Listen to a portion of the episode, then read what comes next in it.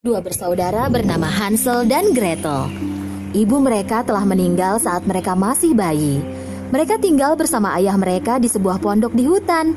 Ayah mereka mencoba bekerja sebagai penebang kayu dan merawat kedua anak itu secara bersamaan. Beberapa tahun berlalu, dan karena kesulitan untuk bekerja sambil mengurus dua anak sekaligus, ayah mereka memutuskan untuk menikah lagi.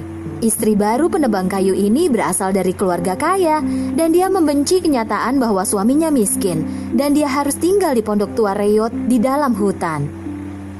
Ditambah lagi, dia sangat tidak menyukai anak tirinya. Pada suatu malam di musim dingin, ketika mereka akan tidur, Hansel dan Gretel mendengar ibu tiri berbicara kepada ayah mereka. Bagaimana kita melewati musim dingin ini? Kita tak punya cukup makanan. Jika kita tidak menyingkirkan kedua anak ini, kita semua akan mati kelaparan. Ayah mereka menentang ide itu dengan marah. Tak perlu bertengkar. Aku putuskan besok kita bawa mereka ke dalam hutan dan tinggalkan mereka di sana. Mendengar itu semua, Gretel mulai menangis.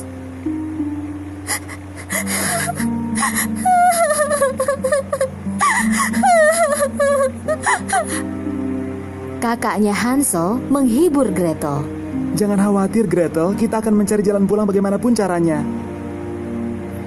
Malam itu, Hansel menyelinap keluar dan mengumpulkan kerikil sebanyak yang dia bisa di dalam sakunya. Keesokan paginya, mereka semua mulai berjalan menuju hutan. Ayah mereka memberitahu bahwa mereka akan melakukan hiking sekeluarga. Ketika mereka berjalan, tanpa sepengetahuan siapa pun, Hansel menjatuhkan kerikil untuk menandai jalan pulang. Di sore harinya, ayah dan ibu tiri mereka menyalakan api unggun dan memberitahu bahwa mereka akan segera kembali. Mereka berjalan pergi dan hilang di antara pepohonan. Tentu saja, mereka tidak pernah kembali.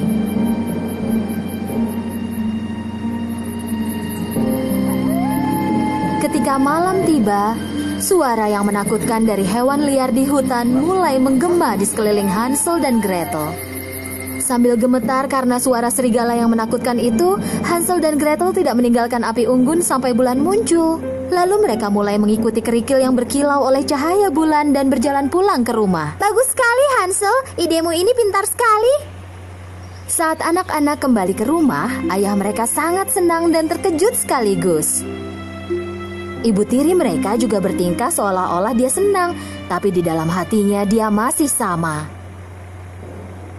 Dia sangat kesal karena mereka berhasil pulang. Setelah tiga hari, ibu tiri mencoba menyingkirkan mereka lagi. Kali ini di saat malam hari, ibu tiri mengunci pintu Hansel dan Gretel. Dan tidak membiarkan Hansel keluar mengumpulkan kerikil lagi. Tapi Hansel sangatlah pintar.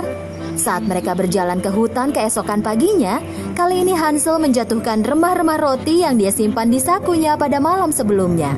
Dan sekali lagi membuat jejak untuk jalan pulang. Saat siang hari, ayah dan ibu tiri mereka mencari-cari alasan dan pergi, meninggalkan kedua anak itu lagi di dalam hutan.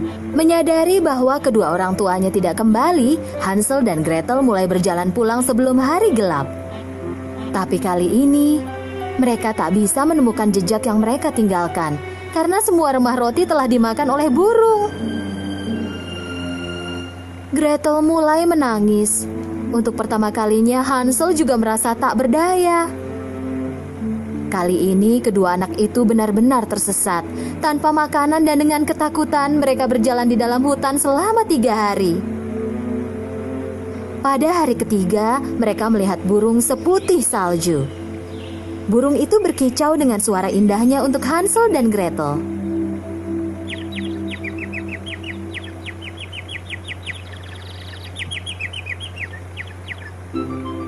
Jadi lupa akan rasa lapar untuk sesaat dan mulai mengikuti burung itu. Burung itu membawa mereka ke sebuah rumah yang terlihat lucu. Dinding rumah itu terbuat dari roti, atapnya terbuat dari kue, dan jendelanya terbuat dari permen. dan dilapisi dengan krim warna-warni di seluruh permukaannya. Hansel dan Gretel tak bisa mempercayai apa yang mereka lihat. Rumah itu terlihat sangat lezat. Kedua anak itu lupa akan rasa lelah mereka dan mulai berlari ke arah rumah itu.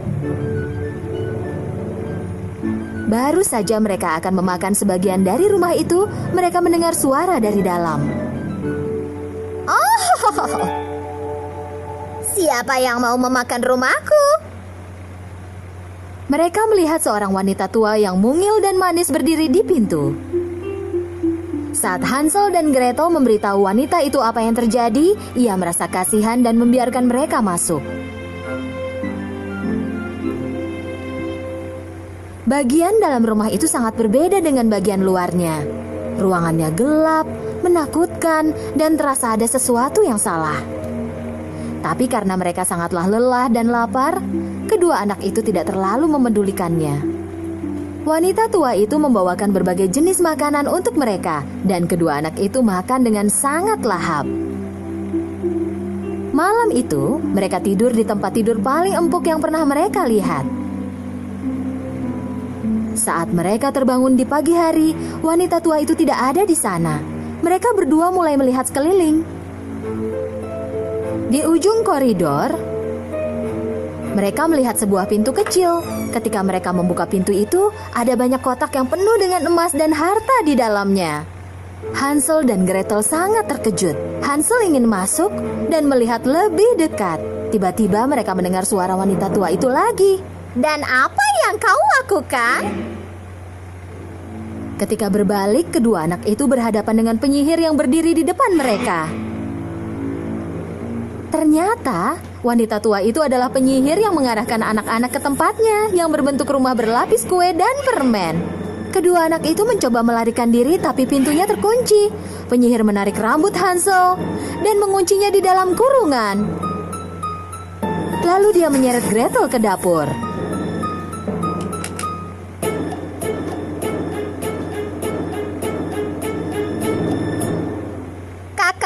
Terlalu kurus. Masaklah makanan untuknya dan buat dia jadi gemuk. Saat badannya berisi, dia akan jadi makanan yang lezat untukku. Tapi jangan coba-coba makan apa pun. Semua makanan itu hanya untuknya. Tanpa punya pilihan apa pun, Gretel melakukan apa yang diperintahkan padanya. Untungnya Hansel adalah anak yang pintar dan bijaksana. Dia memutuskan untuk menipu penyihir jahat. Setiap malam saat penyihir tidur, Hansel menggali lubang di bawah lantai kurungan. Penyihir memeriksa Hansel setiap pagi untuk melihat apakah beratnya bertambah atau tidak. Tapi Hansel tidak memakan apa pun yang dimasak oleh adiknya, melainkan menyembunyikannya di dalam lubang yang dia gali. Sementara itu, penyihir memberitahu Gretel untuk memasak lebih banyak. Hal ini berlangsung berhari-hari sampai akhirnya penyihir itu tidak sabar lagi. Gemuk atau kurus, aku tak peduli lagi. Hari ini aku akan membuat Hansel menjadi kue pie. Penyihir berpaling ke Gretel. Lihat ke dalam oven apakah adonannya sudah terpanggang dengan baik. Meskipun dia ketakutan, Gretel juga seorang gadis bijaksana sama seperti kakaknya. Dia mengerti bahwa penyihir akan mendorongnya ke dalam oven. Aku tak bisa memasukkan kepala untuk melihat adonannya kata Gretel sambil merajuk. Penyihir mendorong Gretel ke samping dan memasukkan kepalanya sendiri ke dalam oven. Gretel mengumpulkan segenap kekuatannya dan mendorong penyihir tua itu ke dalam oven dan menutup pintu oven.